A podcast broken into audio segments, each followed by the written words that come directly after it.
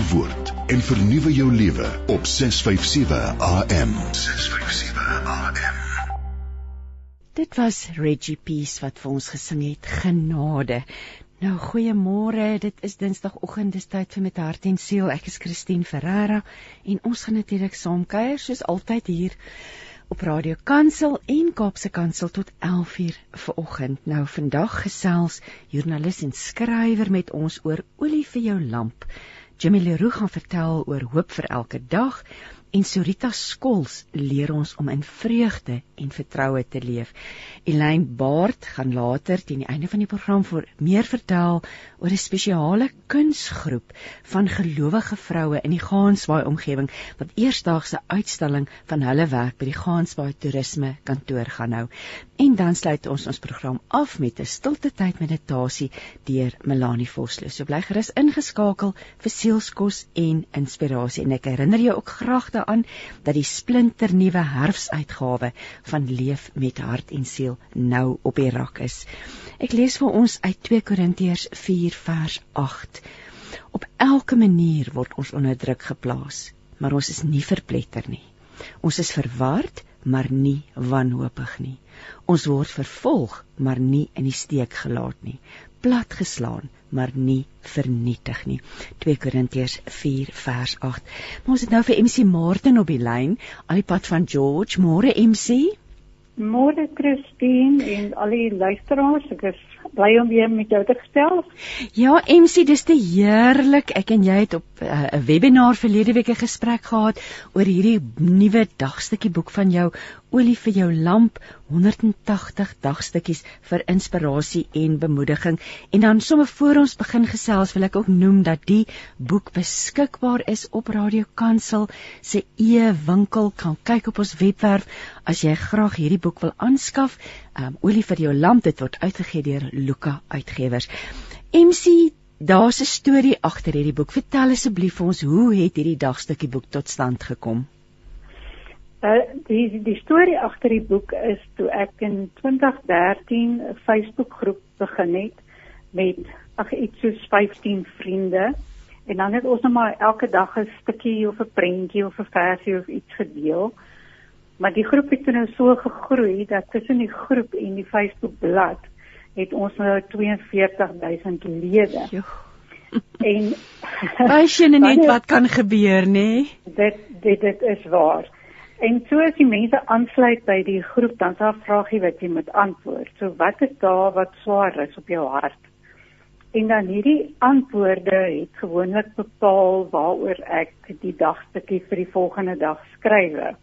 En dit was ook ehm um, baie keer vir my ook 'n regwysing geweest. Hmm en toe mense se kommentaar op die dagstukkies goed soos ek het dit vandag nodig gehad of dis my sielskos vir die dag.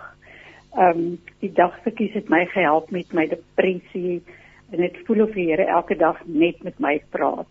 Ehm um, of iemand sê vir jou ek het dit so nodig want alles in my lewe loop skeef. Hmm. Al hierdie kommentare was vir my 'n inspirasie en toe die mense vir my vra of ek nie die dagstukkies in 'n boek wil saamvat nie. Ehm um, wat het nou nogal iets oor te dink want om dit gedruk gereed te kry moes ek ten minste elke stukkie met plus minus 200 woorde verleng. Ehm um, ek kon dit nie net so van die Facebook bladsy af gebruik nie.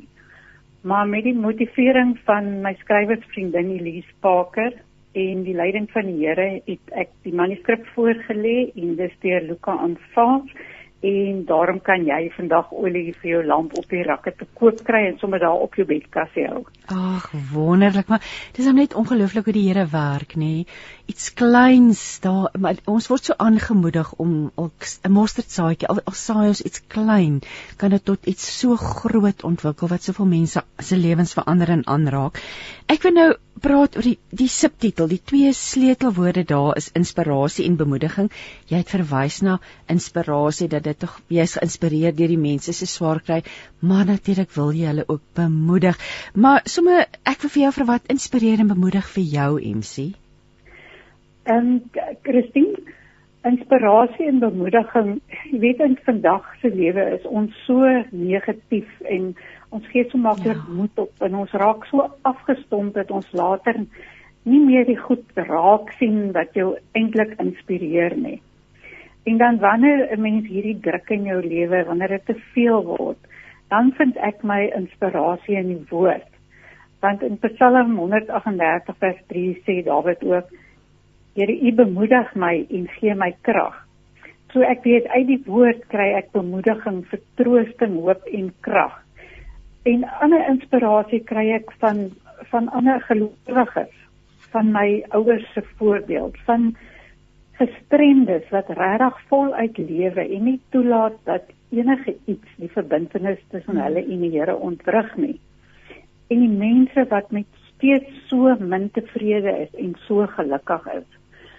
'n Mens dink keer jy moet so baie goed hê om gelukkig te wees. En as mens net na al hierdie klein goedjies kyk, dis waar mense jou inspirasie kry en jou bemoediging net om om aan te gaan leer en nie heeltemal negatief sou wees soos alles reg om jou nie. Jy sê in die voorwoord die volgende: Miskien het dit tyd geword om te kyk watter lesse daar te leer is uit die struikelblokke en probleme in jou lewe. Sjoe, dit is 'n 'n stukkie goud daai. Wat wat wil jy deur die boek bereik?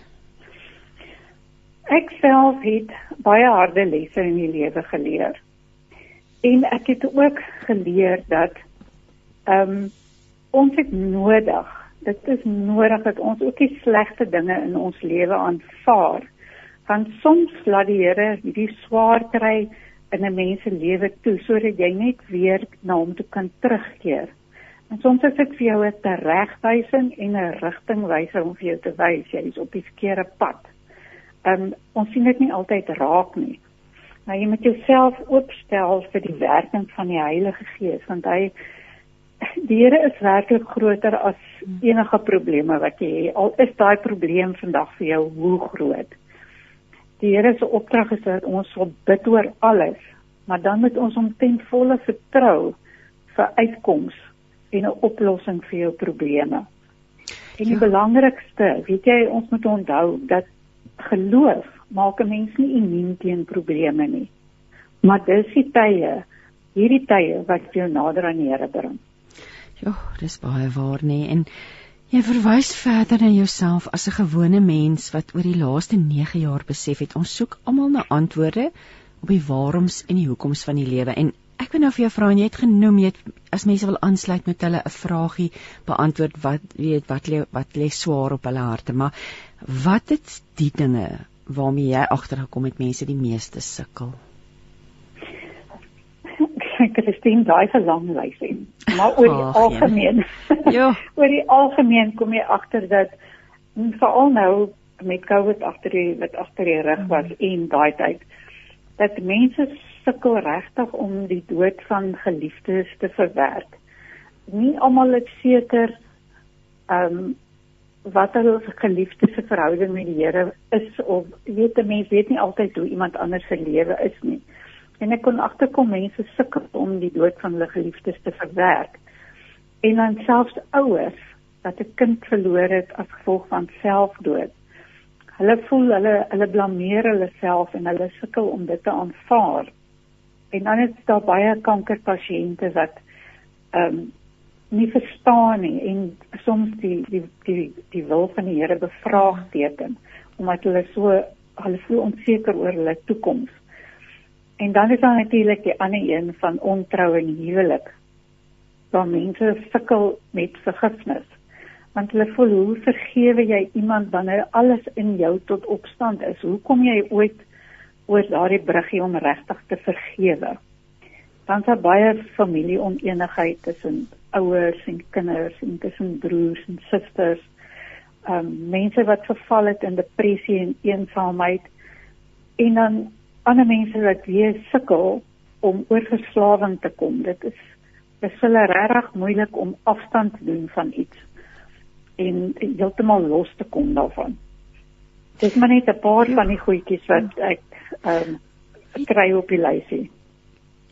Dan is natuurlik ook 'n paar dagstukkies wat verwys na eensaamheid. En ek wil nou vir jou vra, wat is jou boodskap in die boek aan iemand wat voel hulle is alleen en dat God ver is? Ehm um, as ons um, na Jesus kyk, dink ek hy moes ook alleen gewees het want hy was sonder sonde. Hy was anders. En anders maak 'n mens soms baie alleen. Hmm. Kyk maar net uh, met Goeie Vrydag wat op hande is. Jesus is gespot, um, sy disippels het hom verlaat. Petrus het ontken dat hy vir Jesus geken het, alhoewel jy weet hy die hele tyd saam met hom was. In Matteus 26 vers 56 lees ons toe het al sy disippels hom in die steek gelaat en weggehardloop. Maar hy het steeds op die Vader vertrou. En ek voel net as jy vandag voel of God ver is, jy's alleen, jy's eensaam en of hy jou alleen agtergelaat het, hy sal jou nooit nooit alleen laat nie. Ehm um, jy moet jou eensaamheid gebruik om meer van die Here te leer en jy moet jou vertroosting aan sy voete vind. En wanneer jy regtig alleen is, kyk om jou rond en reik uit na iemand wat ook alleen is. Dit gaan net so 'n groot verskil in jou lewe maak. En ek kan vir jou sê, eh, mag jy vandag die arms van die Here om jou voel want hy jou in sy arms toevou sodat jy nooit eensaam en alleen sal voel nie. Hmm, amen daarop. Jy herinner ons ook en dit is vir my en daar was 'n dagstukkie waaroor jy waar jy spesifiek 'n opskrif geskryf het die Here wil saam met jou stap. Vertel vir ons net so bietjie meer. Ehm, die lewe is baie onregverdig. En ons wil baie graag onafhanklik wees. Ons wil alles op ons eie doen. Maar jy het nie nodig om alleen die swaar vrag in jou lewe te dra nie of om alleen die berg uit te klim nie wanneer mense gaan bergklim, doen jy dit nooit alleen nie. So neem God se hand, hy sal die pad saam met jou stap. Hy wil die pad saam met jou stap. Hy is jou anker, jou harnas, jou tou, jou stapstok, jou kompas. Gaan na die woord en vind die regte toerusting. Die Here stap voor jou, hy stap langs jou, hy stap agter jou. Hy is jou enigste betroubare gids. Hy wil jou help en hy wil saam met jou stap ons moet dit met ons hele harte glo. Hy is saam met jou. Jy hoef nie alleen te stap nie. En dan sê jy ook iets interessants. Jy sê kom uit onder die besembos. So ek wil nou vir jou vra, wat is jou boodskap vir luisteraars wat dalk vandag moedeloos en hooploos voel en en hulle self daar onder die besembos bevind? Profet Elia het op 'n stadium met so baie probleme gesukkel dat hy depressief geraak het en hy het in die woestyn onder 'n besembos gaan sit. En in 1 Konings 19 vers vers 4 lees ons dat hy vir die Here sê ek het genoeg gehad. Neem nou maar my lewe. Dit ons eerste reaksie wanneer dit met ons sleg gaan of ons slegte nuus skryf, ons moedeloos is. Ehm um, is nie altyd positief nie. Hmm. Maar jy die die jou eerste reaksie behoort te wees om op jou knieë te gaan en te bid en om nie om onder die besembos te gaan wegkruip nie. Om vir die Here te sê ek loof en prys U naam en om te weet dat niemand kan sy genade en liefde van jou wegneem nie. Ehm um, jy is veilig in sy hande. Dis onmoontlik om alles aan die Here oor te gee en dan nog steeds op moed verloor se vlakte te sit jy moet regtig nie onder daai besembos gaan wegkruip nie want dis nie waar die Here jou wil hê nie. Ag, dit pragtig. En sê ek ek gaan nou om af te sluit um, 'n stukkie voorlees. Ek het begin met die skrif wat by hierdie dagstukkie pas. Alles gebeur volgens God se wil, sê jy. Ehm um, ehm um, en dan die skrif wat ek gelees het op elke manier word ons onder druk geplaas en dan skryf jy die volgende daaroor. Jy sê dit is ongelukkig so dat dinge die afgelope paar jaar heeltemal anders verloop het as wat jy verwag het. Jy het dinge beplan en skielik het alles verander. Jy raak moeilik want jy het dalk lank voor die tyd begin spaar vir julle vakansie, oorsese reis of 'n nuwe motor. Jy wou dalk weggaan, maar nou is een van die kinders siek. Jou ma of pa is dalk in die hospitaal en jy moet by die huis bly. Sulke tye voel ons die lewe is onregverdig. Ons word platgeslaan wanneer ons nie dinge kan doen soos ons beplan het nie. Steeds moet jy besef dat die toekoms nie in ons hande is nie. Alles gebeur soos die Here dit beplan het. Jy moet net bid en vra dat die Here jou sal wys wat sy doel hiermee is. In Jesaja 14 vers 24 staan daar: Dit sal gebeur soos ek dit beplan het volgens my doel. En in 1 Petrus 1 vers 7 staan daar: Die doel met beproewings is om die egtheid van julle geloof duidelik te laat word. Julle geloof word getoets soos goud met vuur getoets en daardeur gesuiwer word. En dan sluit jy af met 'n gebed wat sê: Here, vandag kan ek nie meer nie. Ek verstaan nie hoekom die lewe so onregverdig is nie. Here, help my om te verstaan. Ek weet my toekoms is in U hande en U bepaal my bestemming. Ek vertrou op U. Dankie Jesus. Amen.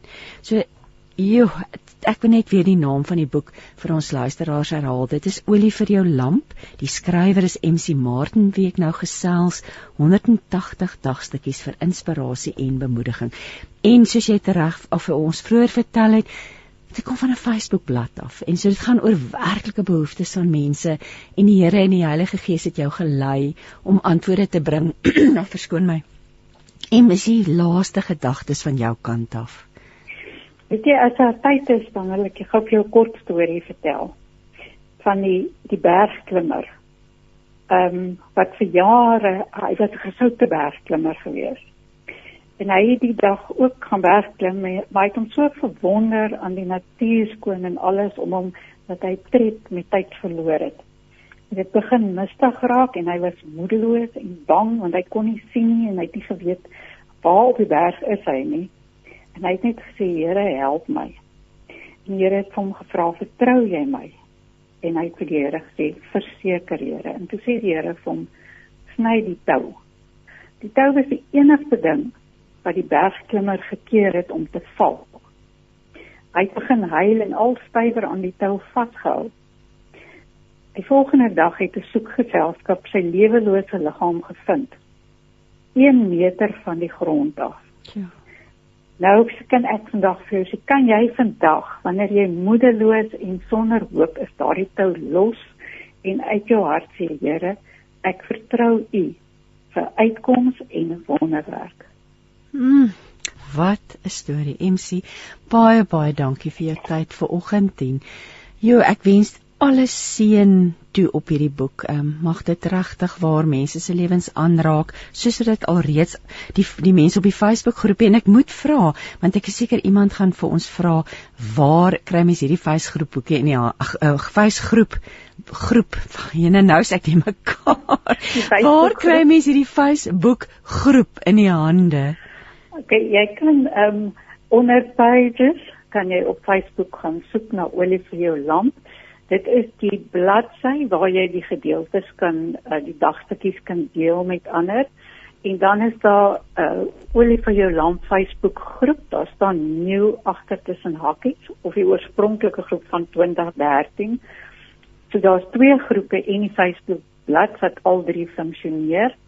Ehm um, ek kan hulle maar net soek en lid raak of ons uh, volg en deel raak van hierdie 'n baie lekker groep hê. En natuurlik die titel sê alles. Olie vir jou lamp. Dis ook die naam van die Facebook groep. So Dis dis reg, ja. ja. Ag, MC baie baie dankie vir jou tyd vanoggend en alles wat mooi is. En nogmaals dankie dat jy gehoorsaam was en die harde werk gedoen het en al hierdie gedagtes in 'n boek vir ons saamgevat het. En ja, ons gaan nou luister na musiek. Um Catherine Scott gaan vir ons sing At the Foot of the Cross. Hoor die woord en vernuwe jou lewe op 657 AM. 657 AM. En ons het natuurlik geluister na God of Wonders gesing deur Mac Powell en Cliff Young. En nou het ons vir Jimmy Leroux op die lyn en ons gaan 'n bietjie gesels oor sy dagstukkie boek Hoop vir vandag. Um mini oordeenkings en dit word uitgegee deur Koem. Môre Jimmy. Is Jimmy daar? Ons gaan nou weer probeer. Ek gaan so lank lees wat sê hulle oor oor hierdie boek. Hulle sê dat ja, ehm um, as ons hooploos voel en ons voel ontmoedig, nooi Jimmy ons in hierdie boek uit om dat God sy hoop en sy energie in ons lewe inblaas, dat hy vir ons die sterkte gaan gee, die krag om te kan aangaan. Die boek bevat 180 kragtige dagstukkies wat fokus op God se getrouheid, sy teenwoordigheid, sy doel en sy beloftes vir ons en dis alles gebaseer uit die boek van Psalms. So dis 'n lig van inspirasie wat ons regtig uitnooi om God se seën te beleef met elke skrif wat wat wat wat oordenk word in hierdie boek en natuurlik elke gebed ook. So tipiese dagstuk boek um, wat pragtig en maklik in jou sak of jou handsak gaan pas sodat jy enige tyd enige plek tyd saam met God, God kan spandeer. Môre Jimmy, is jy nou daar? Ons het gesukkel om jou in die hande te kry vir 'n oomblik. Ja, nee, môre Christine, ek het daarom nou terug iets het gebeur oh, so net dood se stilte. Ag, hoorie, ons ons is al gewoond daaraan dink ek met die al die dinge wat gebeur met ons met ons seltorings en dinge, maar Jimmy, kom ons fokus op hoop. Kom ons hoop vir vandag. Wat 'n lekker titel. Hierdie boek bevat 180 oordeenkings. Ek het nou vlugtig 'n uh, inleiding gelees oor die boek, maar watter temas het jy aangeraak in hierdie boek en wat is die boodskap, die oorhoofse boodskap wat jy aan lesers vir oordra deur hoop vir elke dag? Ja. Nee, wonderlike boekie, ek is self opgewonde oor hom. Kyk, dit is 'n uh, samevatting van dagstukkies uit die Psalms uit een van my vroeëre boeke en uh, die Psalms is mos 'n wonderlikste materiaal vir dagstukkies. Dit is daar is nooit iets beter nie. Jy kan Ek kan amper nie ek ek het nog nooit 'n beter dagstukkie geskryf as een, wil ek sê, uit 'n Psalm uit nie. Want die Psalms gaan oor die hele lewe. Dit dit gaan oor die op en die af en die voorspoed en die teëspoed en die vreugde en die hartseer. Al die emosies is daar, al die omstandighede. Nou gaan dit goed, nou gaan dit sleg. En dit maak dat mense kan identifiseer. Want ons het ook so gevoel. Ons het vanoggend nog so gevoel. Of laas jaar was 'n slegte jaar of vanoggend het ek 'n lied in die hart. So 'n Psalm is is 'n ding wat wat baie maklik in jou hart kan leef. En ons het met die boekie deur al die psalms gegaan of ten minste 'n breë weg sê maar voorvlug oor die hele psalmboek van voor tot agter. En ons wil eintlik sê dat Psalm sê vir ons ons kan al hierdie dinge met die Here leef. Ons is nie op ons eie nie en daarin is vir ons 'n baie groot loon. Megan vra nou, goeiemôre geliefdes in die Here. Ek wil baie graag weet waar kan ek daardie boeke in die hande kry? Um die die hoop vir die lewe, hoop vir elke dag oor die psalms. Me, Jimmy, ek neem aan dis by Kom boekwinkels landwyd en ook aanlyn. Ja. Ja, net so enige Kom boekwinkel het hom op die oomblik. Ek dink ook daar's 'n spesiale prys. Hy's 'n besonder goed geprys. Ek gaan my nie uitlaat nou oor want ek weet nie wat waar hom op die oomblik gesit nie, maar dit is dit is nie die prys van 'n groot boek nie, dit is soos jy sê, dis 'n sakpas boekie. Ehm um, en dan ook aanlyn ja, definitief. Maar ek dink we would love to spread the hope, nee. ek dink ons leef in 'n tyd en ek ja weer eens, dis sakpas wat so lekker is jy kan hom oral saam met jou dra. Jimmy, ons leef in 'n tyd, laat ons nou maar eerlik wees, waar almal nie ewe hoopvol, noodwendig ewe hoopvol vol hemel ek haak vandag vas. Hoopvol hoopvol voel nie. Wat is die dinge wat jy dink ons gelowiges se hoop steel? Ek dink dit is maar die wêreld nê die wêreld ja. om ons die wêreld waarin ons leef is omstandighede jy weet uh, ons het hier eintlik 'n paar moeilike jare nê die oomblik ja. toe covid covid was net 'n ongelooflike tyd wat totaal on on onkenbaar eintlik in, in in ons geskiedenis En toe dit oor is, dis daar oorlog in Oekraïne. Ewe skielik is daar pryshoogings in die graan en sonneblomolie en die petrol. Alles is nou op en ons nuus is sleg. Die plaaslike nuus. Jy weet, jy wil nie sien weer na die nuus kyk nie, wat jy net ja. bedruk in die tipe van dinge. Nou dan is dit dit raak jou persoonlik. Dit is nie net deur en ver nie. Jou finansies word daardeur geraak. Hierdie pryse wat jy nou sien, sê jy maar ek kan nie meer al die goed bekostig nie. Wat moet ek nou doen? Net so dit raak 'n persoonlike probleem. En dan is daar ander dinge, jou gesondheid en uh, uitdagings in jou gesin en so voort en dan kom sit al die goed in jou hart ja. en dan voel jy af en jy voel hopeloos.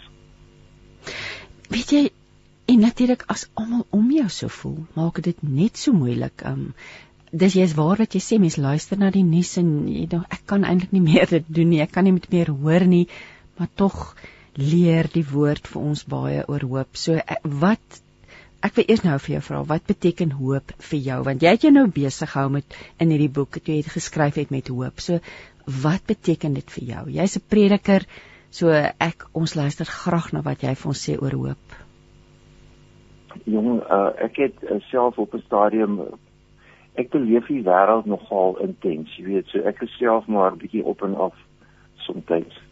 En uh ek dink dit was dit was 'n paar jaar gelede, seker maar in Covid tyd of iets. En het ek gesit en bid en ewe skielik kom daar net 'n 'n gedagte in my hart.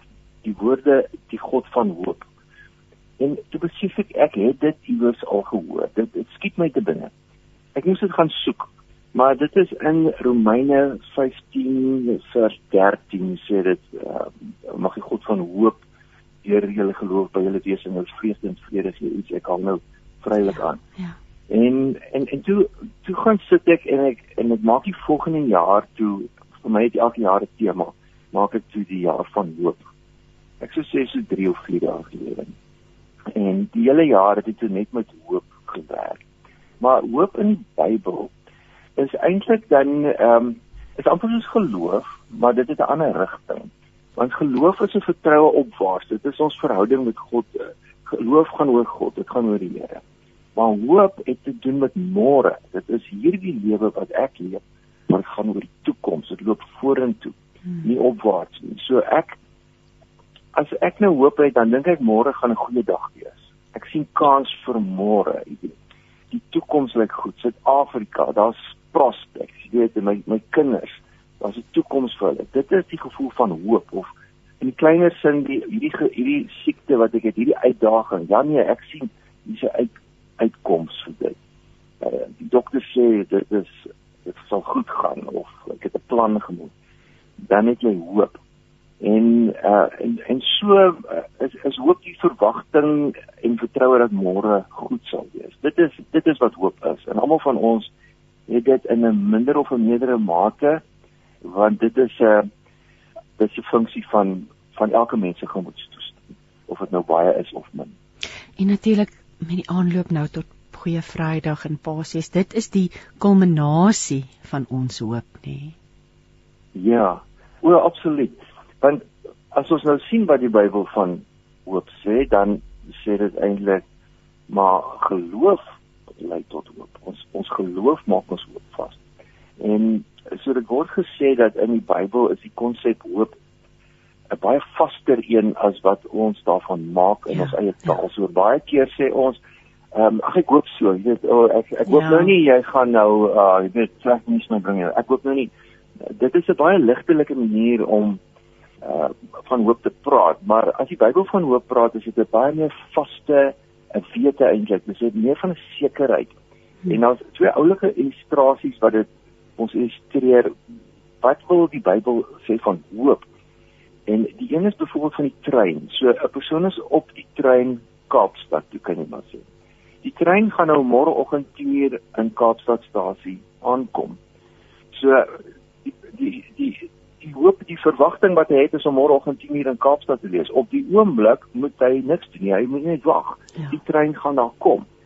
Maar daardie hoop is 'n baie vaste hoop want dit is nou al oor jare bewys dat die trein gewoonlik rondom 10 uur op Kaapstad aankom. So dit is een voorbeeld. Die ander ene is die van 'n swanger vrou. So sy hoop om in September ehm um, 'n babatjie te hê. Soos my dogter, né? Nee? En dan daardie hoop is 'n is 'n vaste hoop. Dis nie net ag ek hoop ek het 'n kind. Sy's inderdaad swanger. Sy moet nou die regte dinge doen. Sy moet die voorbereidings tref. Sy moet gereed maak. Daar's stappe om te volg want haar hoop is 'n baie vaste realistiese hoop en dit is die Bybelse hoop. Jo, dis wel dit is dis so die waarheid wat jy sê. Ons kan hoop so vir vereenvoudig eintlik en om nou net weer herinner te word aan verskoon my dat die Bybelse hoop is 'n is 'n vaste hoop. Ek wil nou vir jou vra ag verskoon asseblief vanoggend iets hier in my keel. Jy het nou genoem van jou dogter, jy het genoem van die trein wat aankom, maar as ons na iemand kyk wat 'n lewe van hoop leef, Hoe lyk daai lewe?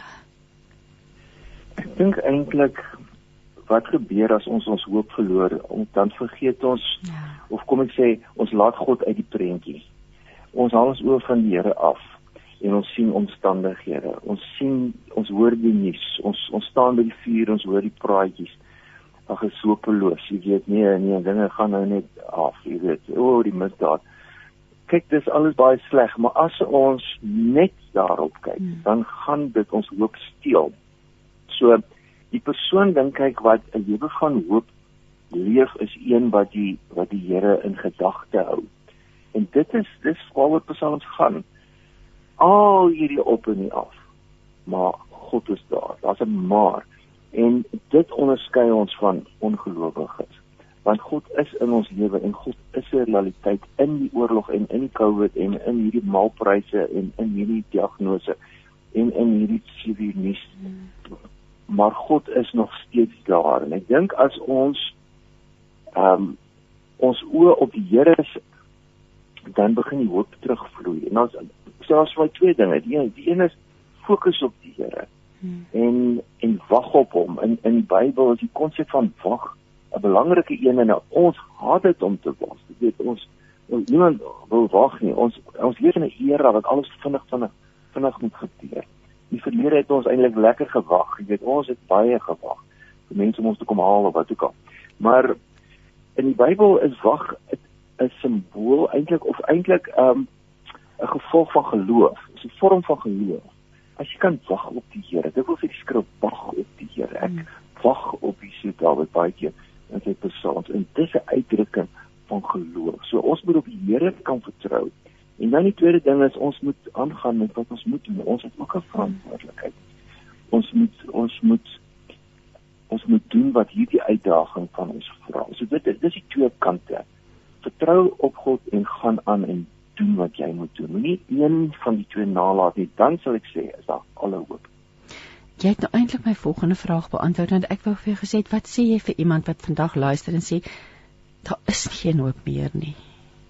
Ja, Weet jy dit dit is natuurlik nie 'n feit nie, dit is 'n emosie, nee, ja, dit is iets ja. iemand voel. En jy verstaan dit. Jy verstaan dit. Ek almal van ons voel soms so wat is die doel? Dit is sinneloos. Maar as mens regtig op 'n punt gekom het, moet mens ook kan besef dit is dit is my persoonlike gevoel, dit is my belewing, dit is my reaksie. Die feite daar buite, die die waarheid van die woord is daar is altyd hoop. En dit is die boodskap vir wie ook al vanoggend dit moet hoor daar is hoop.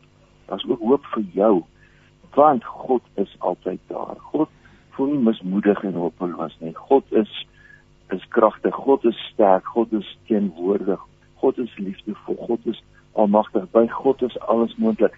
En as ons vir God net weer kan terugbring in die prentjie. Ek praat nou nie van mense wat klinies depressief is nie. Ja, ja. Daar is 'n goeie benadering van die uh, dokters om hulle te help. En ons ken ook daai Maar ek praat nou van mense as ons nou net van hoop praat oor die algemeen. Ons moet wegkyk van die omstandighede en jy moet jou oë dan weer fokus op die Here. En dan is daar 'n soort van 'n slotgedagte vir my. Christine oor oor al hierdie dinge uh die dinge wat ek sê van die wêreld en van die lewe en wat ook al gebeur. Onthou ook gaan oor die toekoms. En die toekoms eindig goed ons toekoms eindig by die Here. Dit mm. eindig by hom vir ewig, vir altyd. Goed.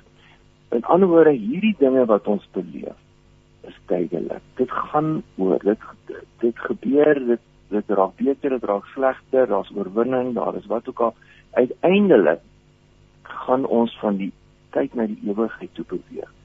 En ons hoop is nie Paulus sê as ons hoop net op hierdie lewe is, is ons die ellendigste van alle mense hy sê maar ons hoop is op die op die toekoms wat vir ons wag. En daar lê ons vaste sekerheid. As die terrein wil ek amper sê daar aankom klim ons af en dan hmm.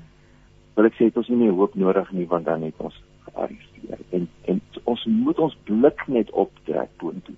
En ons moet ons blik vorentoe trek om te sê weet jy wat? My einde is goed want my einde is by God. Ag, Amen. Daarop Jimmy. Jimmy, as mense met jou wil kontak maak, um, is daar 'n e-posadres? Ja, hulle is baie baie welkom. Ek dink die maklikste een wat ek nou vir iemand kan gee, want my eie een is in, wat moet ek my naam spel? Dan ehm um, sal ek net sê oordenkings@gmail.com as as jy wil kontak maak met want want Jimmy jy stuur ook daagliks oordeenkings uit. Dis deel van van wat jy doen elke dag van jou lewe so of of of eh, maar so as jy wil graag kontak maak en met Jimmy Leroux oordenkings@gmail.com. Ek herinner net dat ons luisteraars Jimmy is ook 'n rubriekskrywer by Leeftydskrif. Hy skryf vir ons ehm um, die gebedskalender elke dag van die elke dag van die jaar en ag Jimmy ons het so waardering vir jou en dankie vir hierdie wonderlike boodskap van hoop wat jy vandag gebring het. Um, ons waardeer jou en mag jy en jou mense 'n geseënde Paastyd beleef. Baie baie dankie ook vir jou Christine en vir elkeen wat geluister het. Ek herhaal net die naam van die boek. Dit is Hoop vir elke dag. Mini oordeenkings, 'n sakpas grootte boekie wat jy met jou kan saamdra um, om jou te inspireer om hoopvol in die teenwoordigheid van God te bly leef en word uitgegee deur Koem. Maar kom ons luister na musiek. Bram Teron gaan nou vir ons sing Toevlug. Hoor die woord en vernuwe jou lewe op 657 AM. 657 AM. Die oorlosie sê dis 3 minute oor 10 en ek gaan nou gesels met Surya Skols En sy gaan met ons deel oor vreugde en vertroue na aanleiding van haar dagstukboek. Ehm um, 366 dagstukke in vreugde en vertroue. Skrif voorop Romeine 12 vers 12: Verbly julle in die hoop, staan vas in verdrukking, volhard in gebed. Môre Soria, is jy daar? Soria is nog nie daar nie. Ek gaan begin om ons een van haar dagstukkies te lees. Ehm um, kom ons kyk Dit sê hier, ek kan alles doen. Ek kan alles doen deur hom wat my krag gee. Filippense 4 vers 13. Paulus, 'n gevangene in diens van Christus Jesus, geboei en onder huisarrest, klink soos 'n vryman wanneer hy hierdie bedankingsbrief vir die gemeente in Filippi skryf terwyl hulle ruim voorsiening in 'n moeilike tyd vir hom tot groot seën was, getuig hy terselfdertyd dat God al genoegsaam is. In seisoene van uiterstes waar hy beide oorvloed en gebrek geken het, het hy al veral geleer om tevrede te wees.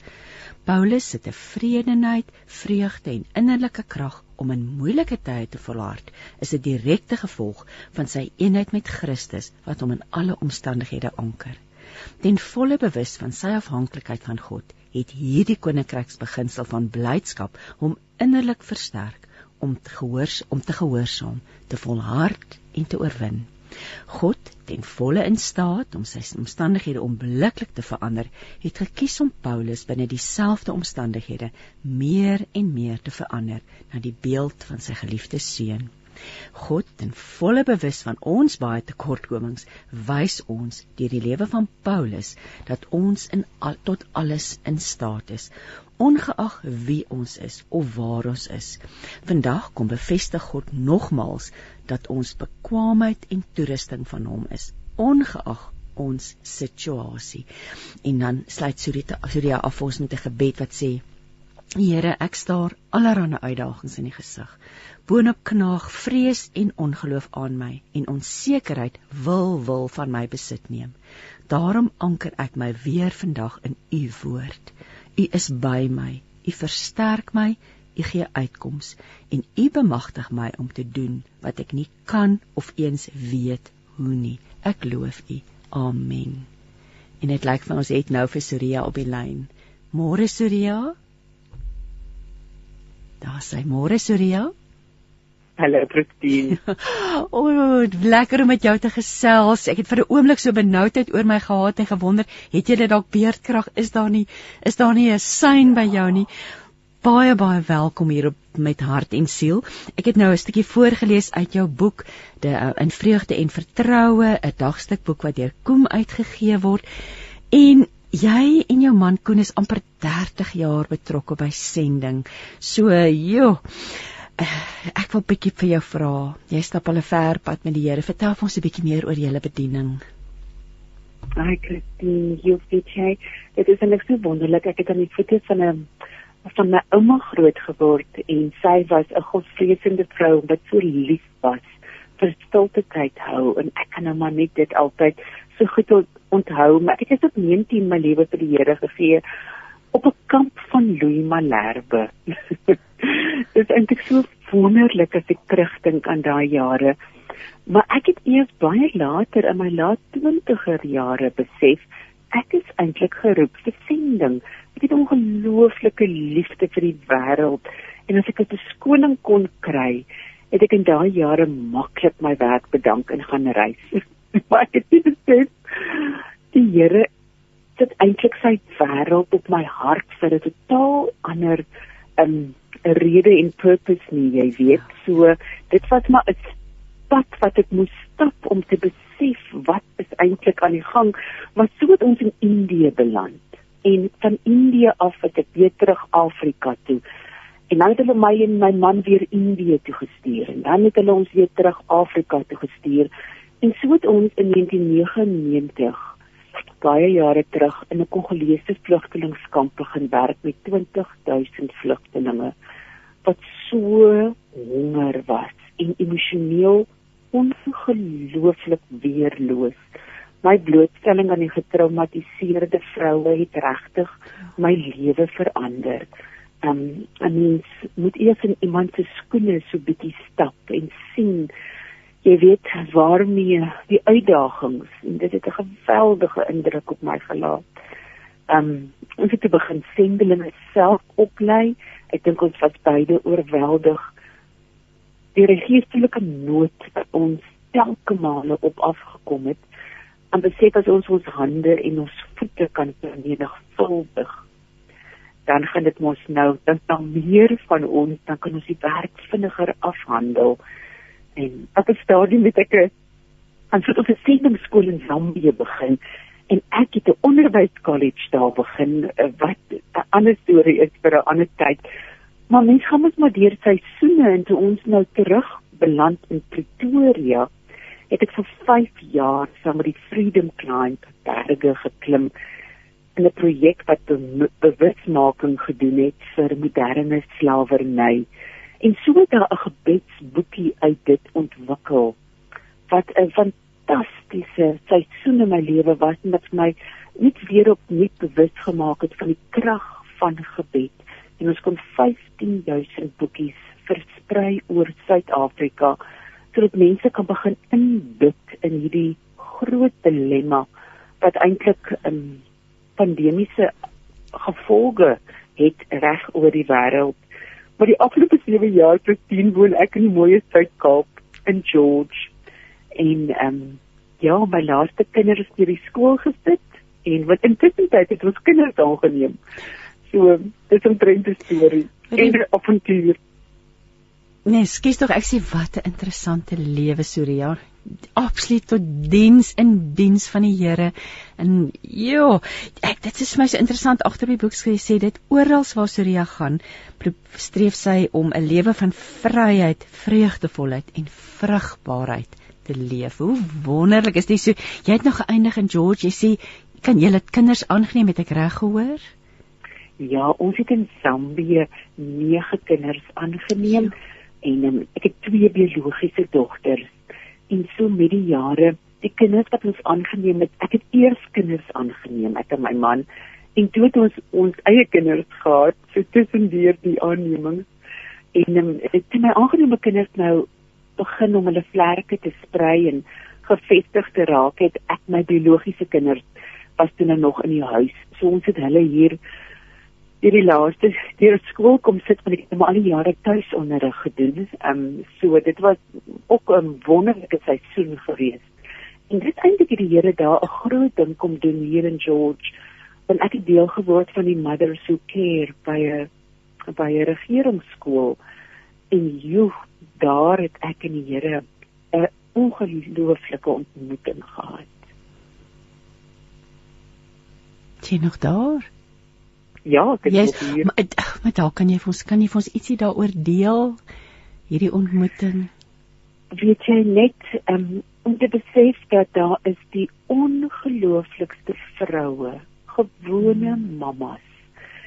Christine en hulle dra um hierdie hierdie kinders, ons het elke Vrydag gebid en ek het besef ek wat al al hierdie dinge in die wêreld gedoen het. Dit vir die Here vra wat moet ek in George kom doen? Ja. Dis sê hy vir my ek gaan jou leer bid.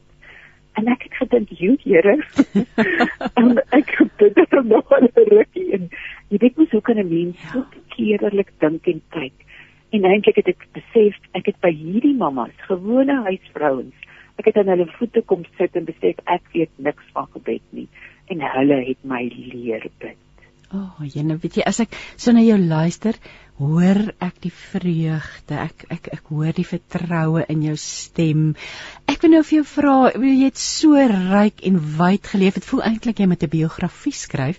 Um maar vertel vir ons oor hoe hoe dit gebeur dat jy in vreugde en vertroue geskryf het hierdie dagstukboek. In 366 dagstukkies sit nie sommer in elke elke vrou se broek om te skryf nie. weet jy dis eintlik maar daar gebore by die Mamso Care. Ek het ervaar die laaste 2 jaar het ek die beton oorgevat en en ek het ervaar die Here sê vir my bid baie bid dieper en bid kragtiger. Ja. En ek het begin om my gebede neer te skryf. En toe ek kom kry dit sê ek ek het al 'n hele klompie en so het ek in die middel van 'n grendeltyd 'n boekie uitgegee, self gepubliseer um, met die naam uh saam bid ons weier dieper en kragtiger. Mm.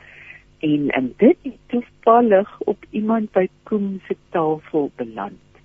En so het hulle my gevra, "Wil jy nie 'n dagstukkie daarby sit nie? Jy het nou reeds 366 gebede." en um stukkies uit die woord uit en dit is nou maar eintlik hoe dit nou ook 'n naamsverandering ondergang het so in my gesprekke um, met met Koen het ons um, nie begin kyk. Jy weet 'n nuwe paar oë is wonderlik. Maar dis nou vir my interessant jy het by die gebede begin want baie keer begin mense by die skrif of by 'n idee. Jy het hom en dan eindig dit met 'n gebed maar jy het toe begin met die gebed en dit het jou toe gelei om die dagstukkies te skryf as ek nou reg verstaan. Ja ja absoluut. En daai gebede um weet wat is so wonderlik van dit is ook gebore uit nood uit. Van dit is gebore uit die omstandighede van die kinders in die skool. Ja. van dit is gebore uit sommer wat um getuienisse wat ek gehoor het uit wat in die nuus gebeure plaasgevind het. En dan het ek um ek het ek voel ek is een van daai mense wat eintlik sukkel om te bid. Ek dink dit is die ding wat op by my kom sit het en wanneer ek dan 'n pen in my hand het en ek begin om skryf dan gebeur daar iets tussen my en God. En en ek het gevoel hoe dat ek ander mense ook soos ek sukkel en dit is jy weet um, en ek het ook besef dit is amper soos jy in Engels praat van 'n prayer prompt. Bid asseblief aan. Ek sê dit vir die eerste drie sinne. Dit is pragtig. Asseblief moenie dit jou keer nie. ja. Hou net aan en aan. Daar daar was 'n mooi aanhaling wat agter op die boek wat sê plaas jou hand in in syne en ervaar die suiwer vreugde van weet jy is veilig in hom. Want my volgende vraag wat ek vir jou wil vra is, is wat beteken die woorde vreugde en vertroue vir jou persoonlik? Ehm um, ek dink ek was 'n ongelukkige tiener en ek dink ek het 'n um, moeilike tye beleef in my 20er jare En in daai gestoei het ek besef dat ons is elkeen eintlik selfverantwoordelik om ons kan nie wag vir die wêreld om iets vir ons jy weet na ons kant te bring nie. Ons vreugde moet ons ten spyte van ons omstandighede in die Here vind. En as iets oor vrug dra van die Heilige Gees wat in dis 'n onnatuurlike vrug. Dis ten spyte van ja. wat in die wêreld aangaan en wat waarmee ons steun worstel, moet ons hierdie bonatuurlike, onnatuurlike vrug dra en vreugde is tweede op die lys, jy weet, ja, en ja. ehm ja. um, dit het iewers is daar 'n stuk hoop wat jy bring. En ek het gesien mens kan met jou vreugde die atmosfeer verander in jou huis en daar dit is 'n kragtige ding en en en daar's ook 'n stuk berusting. Ek kan werklik getuig. Ek het baie mense sukkel met die vers wat sê dat alles ten goeie meewerk vir hulle wat God liefhet. Maar dit is nou een van daai verse wat ek al soveel keer sien uitspeel het en dit bring so 'n vrede ook saam met die vreugde dat die Here weet beter sy tyd is anders kom ek sit met my hand in syne en stop met hierdie ding. En dan natuurlik die vertroue. O oh, daai ouma van my kort voor haar dood eintlik enkele dae het ek vir haar gesê ouma as daar nou een versie is wat jy vir my kan gee wat is dit? En dit was Spreuke 3 vers 5 wat sy vir my gegee het. Vertrou op die Here met jou hele hart op jou eie insig moet jy nie staat maak nie. En ek dink dit is daai daai stuk legacy. Ja. So die Engelse woord in die boy wat net so wonderlik is dit voel vir my hierdie twee goed is tweelinge. Die Here praat ook dikwels met my in tweelinge. So dat al die Afrikaanse boekie maar ook die Engelse boek. So die Engelse boek is Find Joy. Um in in ek ek doen dit dan ook so in die twee tale um ja ek wou nou net vir jou daaroor ek wou eintlik dit nou net genoem het so ek is baie baie bly jy het dit genoem want ons het ook Engelse luisteraars so Surya se boek is ook beskikbaar in Engels en ek weet mense vra gewoonlik so hierdie half deur die gesprek met wie gesels ek nou weer en wat is die boek se naam so ek gesels met Surya Skols ons praat oor haar dagstukboek in vreugde en vertroue ook beskikbaar in Engels Finding Joy. Kom ons praat net 'n bietjie oor die temas want daar dis wyd 366 dis baie. Kom vertel ons 'n bietjie meer oor watter temas raak jy aan in hierdie boek. Ja, ek dink gebore uit die saam bid ons weier dieper en kragtiger en met dit waarmee te doen begin kry het, um, het ek besef dat ek wil bid oor sodat ons self kan nader aan na die Here groei.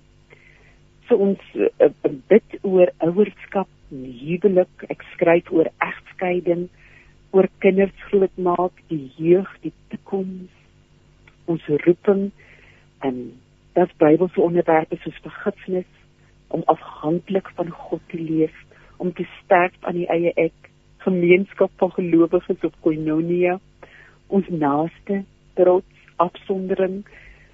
Maar dan is daar ook dagstukkies oor mense wat deur verkrachting gegaan het. Ja. Mense wat sukkel met bankrotskap, die vlugteling kwessie in die wêreld en xenofobie in Suid-Afrika. En wat doen ons met vreemdelinge, mense wat trek en wat nie is? Genesing vir mense wat deur 'n abortus gegaan het. Hoe kyk ons en hoe bid ons vir mense in tronk met watter oë dan eh uh, weet uh, kyk ons na hulle. Soos loop deur onder geweld. Hoe kan ons um, bewus wees in ons eie partykeer gekoesterde en beskermde wêreld? Is daar 'n omvang van nood rondom ons? En hoe kan ons ook dit bewus wees van ander se pyn? En in dit in bid maar ook in dit met die Here praat en sien wat sê die skrif en daar is ons perspektief jy weet en dan is daar God se perspektief oor hierdie onderwerpe. So ek ek ek slaan redelik wyd. Weet jy ek jy het toe jy nou die woord perspektief noem te besef ek jy kom ook eintlik met 'n nuwe perspektief 'n ander perspektief gevorm deur al hierdie ervarings wat jy gehad het en Eh, eh, hoe het dit jou lewe ingekleur want jare en jare meer as 30 jaar of amper 30 jaar werk jy saam met jou man op weet in die in die sendingveld of dit nou by Georges of dit nou in Indië is of in Afrika hoe dit jou lewe ingekleur in jou perspektief van die lewe jy kyk tog sekerlik 'n bietjie anders Surya Ek dink dit het definitief 'n rol gespeel. Ehm um, Christine, ek ek stem met jou saam en ehm um, en ek het besef ons raak op maar elkeen. Eh, en my man sê altyd hy's bang vir twee goed. Een is trots en ek stem so saam met hom. Hy sê die ander ene is is wanneer ons baie begin na binne kyk en um eintlik afgesonder raak van ander, ja. um geïsoleerd. En en ek dink dit is goed dat ons bietjie na buite kyk en besef ons eie uitdagings um, is eintlik maar what it pales in comparison. Ja. Met wat ander mense mee te doen kry. En ek probeer dan so tussen al hierdie onderwerpe dat ons net kan besef ons het so ontsettend baie om voor dankbaar te wees. Um ek is 'n groot aanhanger, oek nou praat ek ander stories, maar van Anne Voskamp se boek A Thousand Gifts. Ja. En dit is ja. toevallig vir jaar die 10-jarige herdenking, die lys wat sy gemaak het oor 1000 dinge waarvoor sy dankbaar is. En ek dink werklik so baie van ons as ons mooi gaan kyk na waardeur ander mense rondom ons gaan, het ons elkeen ons eie lys van 1000 dinge waarvoor ons dankbaar. Hmm, daar het ons vir Surreal klink dit vir my nou verloor. Surreal, as jy van die lyn af, is jy terug? Nee, ek is daar. Is jy daar? Jy was 'n gesuis. O, oh, hoe wonderlik om ons te herinner daaraan nie. En weer eens ons Paasfees is Vrydag. Dis 'n spesiale week, 'n spesiale tyd vir ons almal. Daai duisend dinge waarvoor ons kan dankbaar wees en wat jy ook nou net genoem het, ander se uitdagings is soveel groter as ons en as ons net eers 'n bietjie weier begin kyk. Jy jy het ook 'n persoonlike bediening in terme van jy um, doen motiveringspraatjies, jy bied vroue konferensies of praat by vroue konferensies, skryfwerk, so baie dinge. Um waar kan mense meer te wete kom of waar kan hulle kontak met jou maak?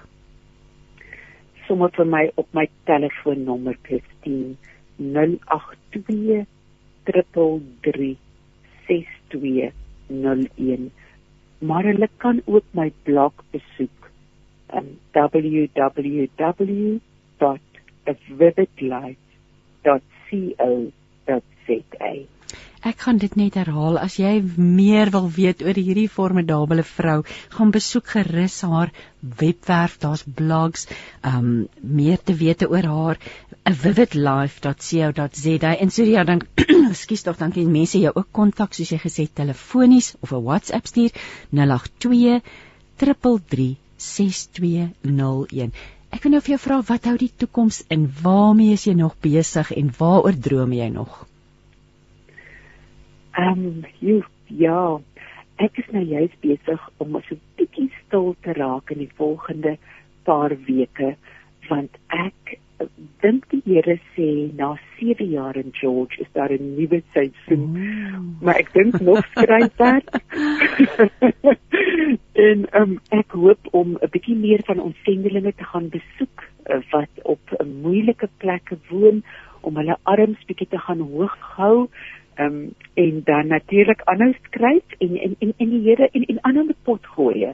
Um, ons woon in wonderlike tye en daar is soveel uitdagings rondom die sosiale media maar ook soveel geleenthede ja, ja. en um, ek is opgewonde oor al hierdie geleenthede. Ek gaan hierdie aanhaling en jy gaan hom sien iewers in die leef want ek het hom nou neergeskryf. Bid weier, bid dieper, bid kragtiger. Ek dink jy laat ons met soveel dinge om oor na te dink vandag na hierdie gesprek, hierdie kort gesprek.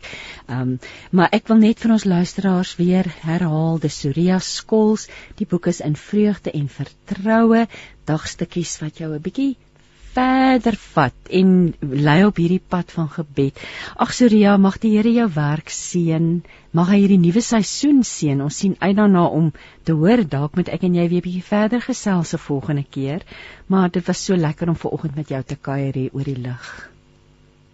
Baie dankie Christine. Wat 'n voorreg vir my ook. Ehm um, ja, mis julle kantore baie daarin gehardloop. Absoluut, dan was jy hier. Sommige so ter afsluiting 'n laaste gedagte vir ons luisteraars. So 'n paasgedagte dalk. Ja, weet julle, ehm um, ag, ehm um, ek het die voorreg gehad om 'n paasfees in Jerusalem te kon bywoon en om daardie trek van Egipte van die Israeliete so in 3 ure te beleef was daar een moment tussen al die baie momente wat uitgestaan het en dit is wanneer hulle die Pietersielie in die soutwater doop. Die soutwater is simboliek van die trane. En dit wat moeilik is en dan is daai Pietersielie wat so vars in jou mond ontplof herinner hulle ons dat saam met die vreugde is daar dan dikwels die trane. En ons moet leer om hierdie twee uiterstes saam te kan geniet vir baie mense in die Paase. En Jesus self aan die kruis. Ons is so dankbaar dat soveel vryheid wat kom met wat hy vir ons kom doen het. Maar daar's ook soveel trane wat hy sy lewe gegee. En elkeen van ons eie lewe kan ons dan ook daarna dit ons kan ons daarmee vereenselwig. Mag dit 'n wonderlike geseënde Paase wees. En saam met dit wat ons vier, dat ons ook onthou dat daar vreugde is saam met die trane. Hmm. Baie dankie Surya. Kom ons luister na musiek. Belinda Branner gaan vir ons Psalm 84 sing. Hoor die woord en vernuwe jou lewe op 657 AM. 657 AM. Bly kuier in die Suid-Kaap. Jy luister dan met hart en siel en ek gaan nou gesels met Elyn Baard oor 'n baie besonderse kunsgroep en 'n kunsuitstalling by die Gansbaai Toerisme Kantoor se saal. Goeiemôre Elyn. Goeiemôre. Ek moet eers sê geluk met jou verjaarsdag.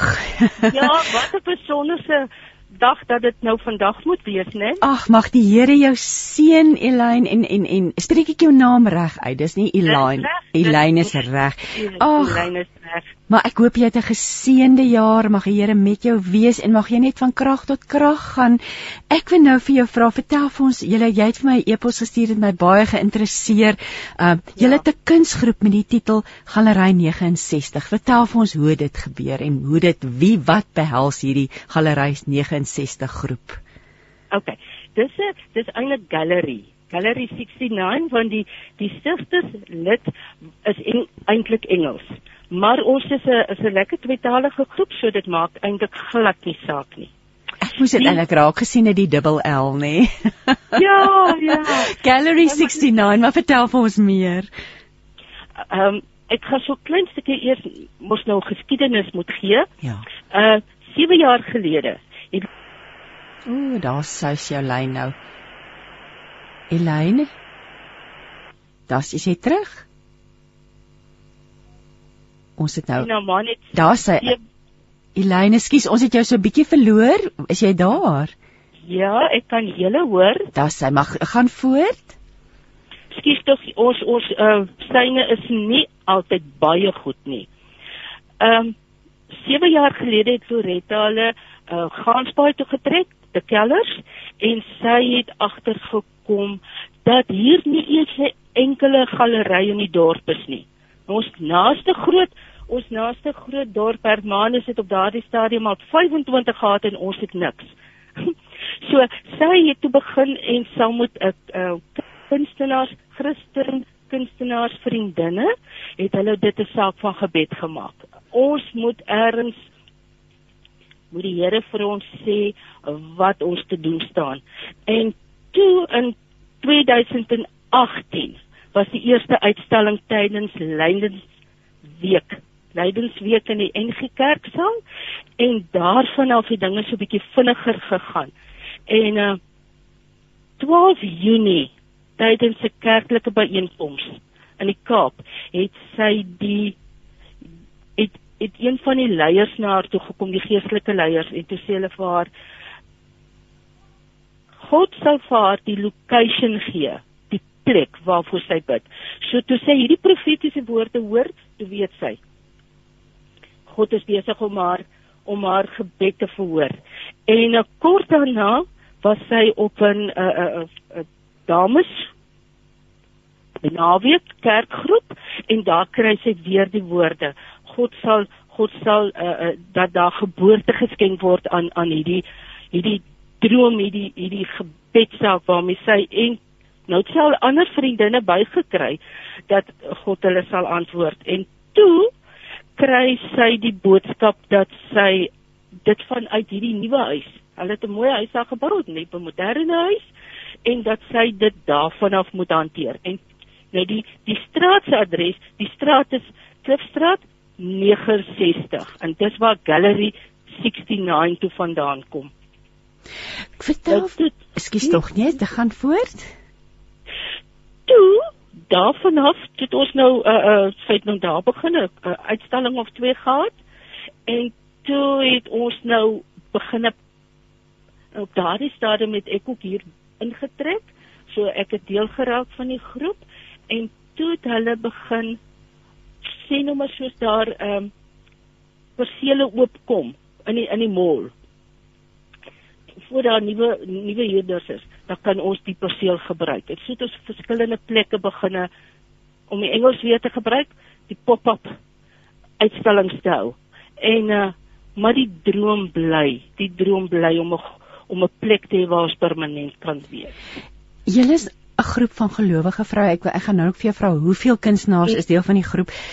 Maar julle is almal gelowige vroue wat julle liefde vir die Here deur julle kuns uitleef. Nou, wat beteken dit vir jou Elaine om kreatief tot God se eer te kan wees. Ons skielik miskien nou nou kan jy vir my sê oor die ander as ons oor die uitstalling praat, maar wat beteken dit vir jou persoonlik om kreatief tot eer van God te wees?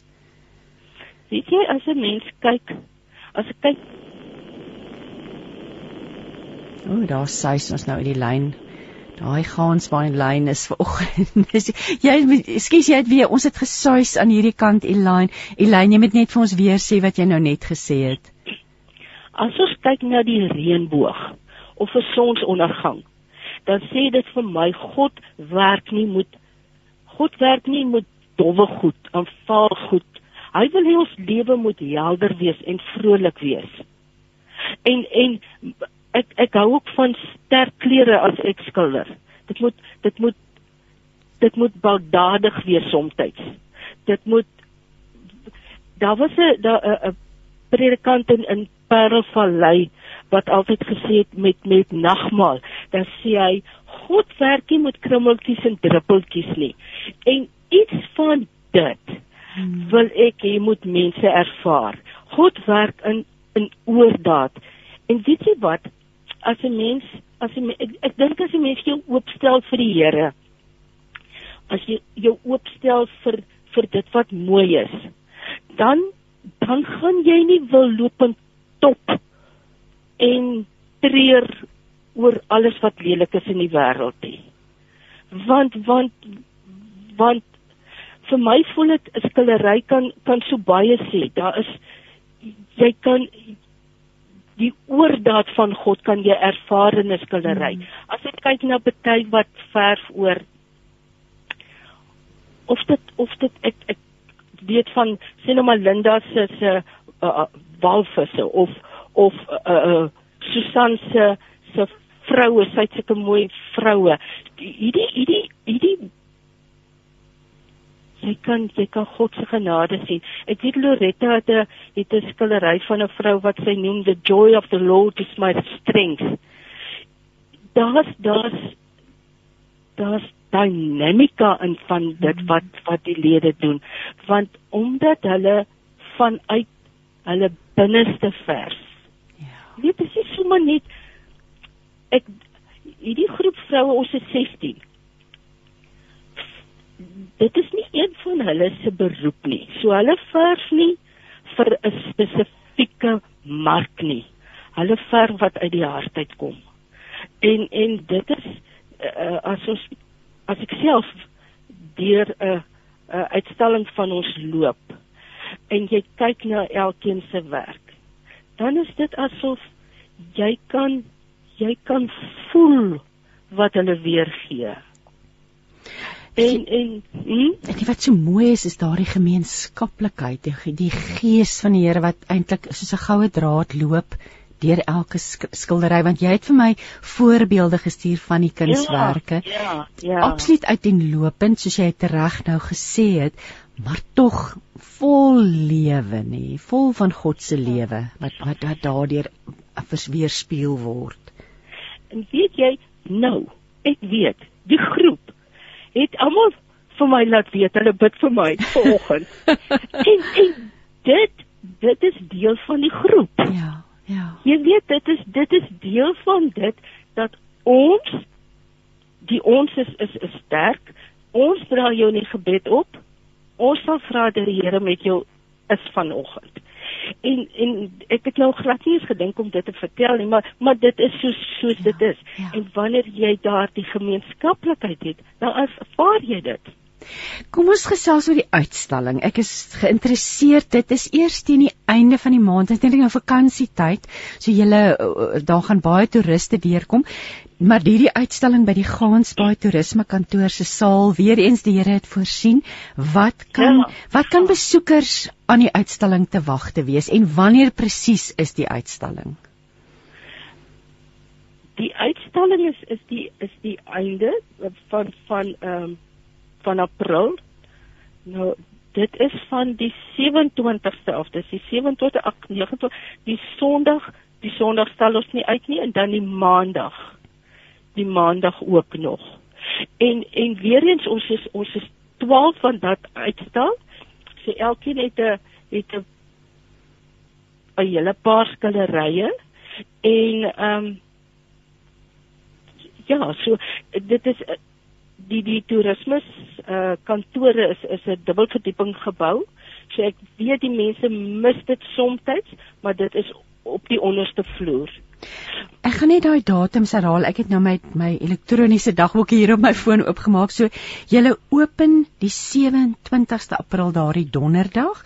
Dan is julle reg. Vrydag kan mense gaan kyk, Sondag, Saterdag die 29ste ook natuurlik. Ja. Ehm um, 30ste gesluit. En dan Maandag, o die Maandag die eerste is vakansiedag, so is dit is julle Ja. ook daardie dag oop vir mense om Ja. te kom kyk. Ja. Ja. Ja, wat 'n opwindende en ek eh, hoeveel skilderye uh, berei elkeen van julle 12 voor vir hierdie uitstalling? Okay, ek weet ek vat altyd 10. Dis ek het eh, eh, so kom ek sê daar's ten minste 100. Ja, hoe Daar's ten minste 100 en dit gee vir jou 'n lekker 'n lekker verskeidenheid en ehm um, party is meer ja, dit is absoluut uiteenlopend. 'n Fyn presisiewerk tot abstrak. Van fyn kwaswerk tot paletmes. Dit is dit is 'n uh, 'n uh, uh, mosaïekwerk ook. Dries Dries is is een van ons manne. So hy is ehm um, hy hou ja, ons het maar ons het vir Dries en nog een van die van die manne is uh, op die oomblik so 'n bietjie uh, uh, uit die land uit uh, gaan kuier so hy sal weer by ons aansluit. Maar Dries is is, is hou van ehm um, mosaïekwerk ook en op op hout ook. So dit gee vir jou nog en dan ehm um, is daar 'n bietjie ehm um, uh pottery gesiggetjies se goed en en so jy dit ook en uh So terwille ek ek wil nou vra so terwille van ons luisteraars, kan jy dalk vir ons van die name noem? Name en van, daar's dalk iemand wat hulle ken en daar's hulle weet wat hulle dalk wil graag gaan kyk hoe lyk die werk van hierdie persoon. Die name van die kunstenaars. okay, ek kyk nou ja, ek gaan hier klei drop. want Gaan jy nou kyk? almal- ja, ek het nie almal op hulle van nie. Oh. So so ek gaan ek gaan nou nou vir jou sê, ek gaan my selfoon o nee, ek wil hom nie aansit nie. Nee. Ehm um, want net nou lei iemand ehm um, okay, ek het vir Adeline Dees dit ek het vir jou gestuur. Ja. Ek het 'n rekenaar oop, so ek het hier van die name. Belinda Birchall en dan Bilia Ek weet ek het vir jou 'n foto gestuur waar sy uh, 'n muurskildery gedoen het vir een van die ouete huise want jy ehm um, net om die hart ook te meer van die hart die die Christen hart Ja. sy sy het hierdie pragtige skille muurskildery gedoen en sy het dit gegee. Dit dit is net uit die liefde uit. En dan is daar Linda Bad, sy uh, en Loretta Nel, Susan van Heerden, Susan is 'n bietjie nee, Susan is regtig siek op die oomblik, so ons wil sommer vir haar ook aan die Here se genade opdra. Dan is daar Jackie Fourie en uh, ek het nie nou almal se name Ag, my dit nie. weet jy wat, jy maak dit ons. Jy maak ons lus genoeg om te gaan. So ek wil ons Ja, jy luisteraars moet op die Facebookblad gaan kyk. Dis wat ek nou wil ek wou nou net vir jou gevra het, waar kan Ja. luisteraars gaan kyk, meer te weet te kom en is is jy oop kan enige iemand aansluit wat wat skilder of met met kunsdoenig is? Weet jy, ja, ons het ons het riglyne. O, nee, nee, ons het 'n 'n Keuringsproses of hoe? Ja, ons ons wil graag vir 16 bly. Eers het ons besluit ons wil by 16 bly sodat iemand gaan dan kom na weer iemand anders. Ja. Maar jy moet die Christen waardes handhaaf. Ons is nogal oor dit. Ons as ons uitstel, jy stel nie iets uit wat iemand te na kan kom nie. Jy stel nie iets uit wat iemand kan ons ontstig of Ja. dit moet opbouend. Dit moet dit moet tot eer van God wees. Ag, So dit is die dit is die kort van die kering. Wat jy doen moet tot eer van God wees. en dan meer oor die uitstalling. So daai Facebook bladsy as luisteraars graag 'n draai wil gaan maak in Gansbaai. Waar ek gee asseblief my die naam van die Facebook bladsy. Gallery 69. So eenvoudig soos dit. Gallery 69. Eenvoudig soos dit. Dan is daar dan is daar een van die dames wat wat nou onlangs hier na uh, Gansbaai toe getrek het.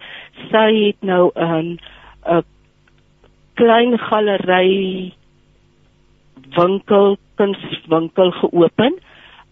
Uh art for heart. Die voor is die 4. So sy het ook 'n Facebook bladsy so jy kan gaan kyk want van van 'n groot groep van ons se se werk hang by haar.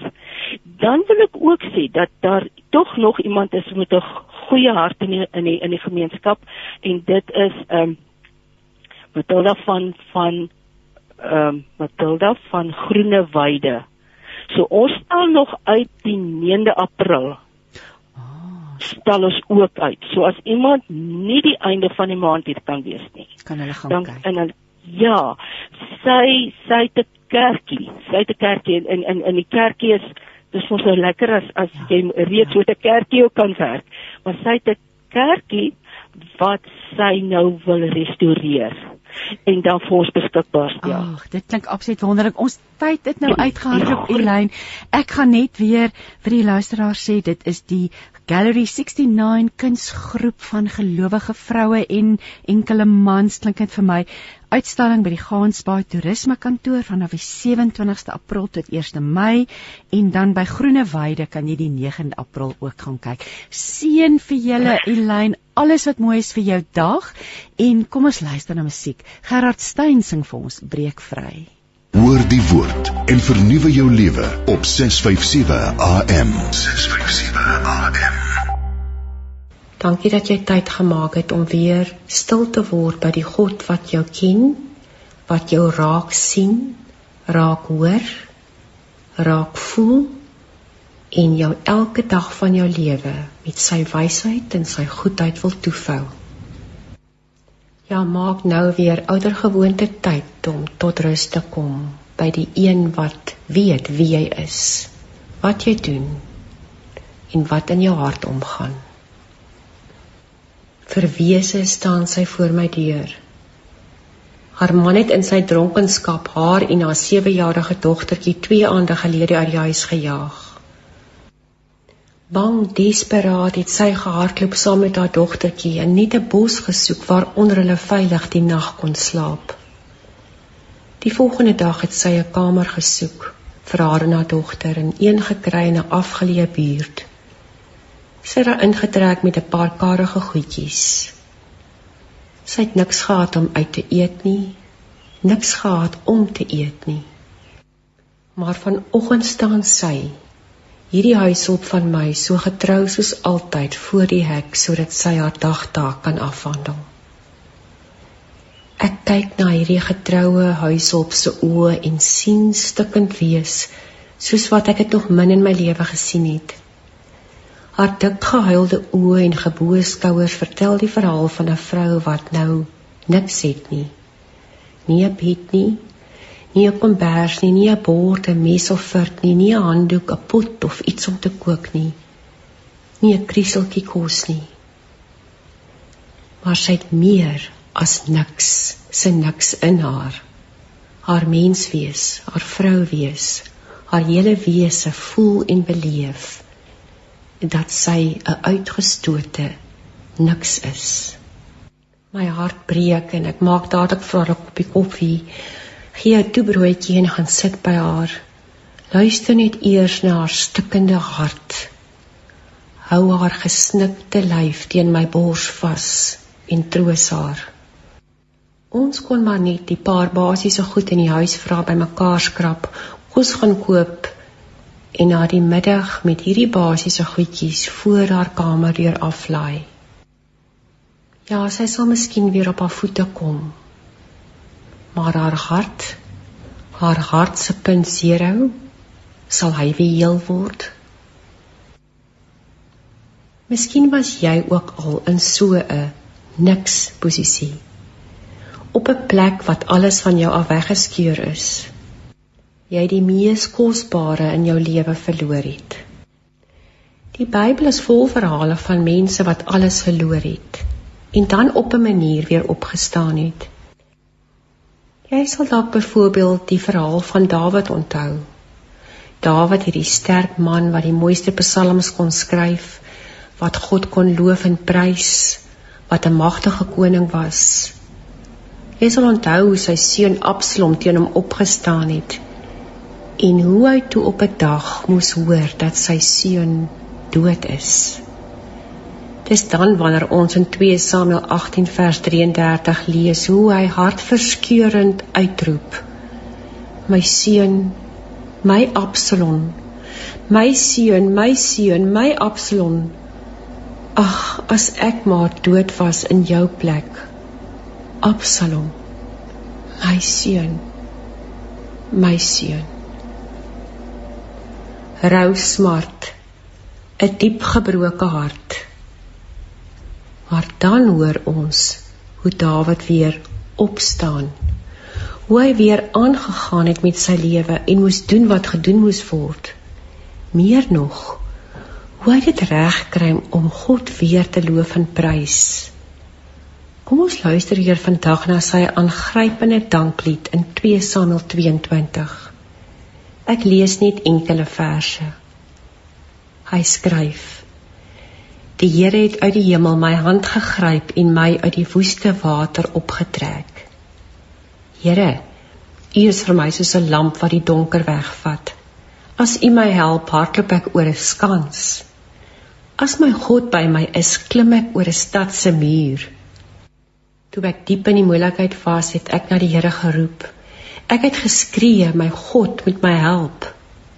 En hy het my gehoor. Hy het gehoor hoe benoud ek was. Die Here het my na 'n veilige plek gevat. Hy het my uitgehelp want hy hou van my. Here, U het my beskerm en my gehelp. U het my sterk gemaak toe U my gebed beantwoord het. U maak die grond gelyk onder my. My voete sal nie swik nie. Vandag bid ek jou 'n altyd weer opstaan lewe toe. Ja, mag jy soos Dawid in jou naakte rou by God gaan sit en weet dat hy jou troos. Maar mag jy ook weer die genade en die krag ontvang om op te staan. Die lewe met dapperheid in die oë te kyk en te weet dat jy kan aangaan omdat God daar was. Dat God die grond onder jou gelyk maak en dat jou voete nie sal swik nie. Ook nie vandag nie. Kom ons bid saam. Here, dankie dat ek in rou, smart en stukkend wees my hart vir U kan oopmaak. Maar dankie dat U my ook wanneer die ergste gebeur het, weer die krag en moed en dapperheid kan gee om op te staan. Ek kyk terug, Here, en ek weet U was daar. Ek kyk op en weet dat U altyd daar sal wees. Ek kyk vorentoe en leef die lewe met opregte dankbaarheid, vreugde en moed. Want Here, U is daar. U is hier. Amen. Hoor die woord en vernuwe jou lewe op 657 AM. 657 AM.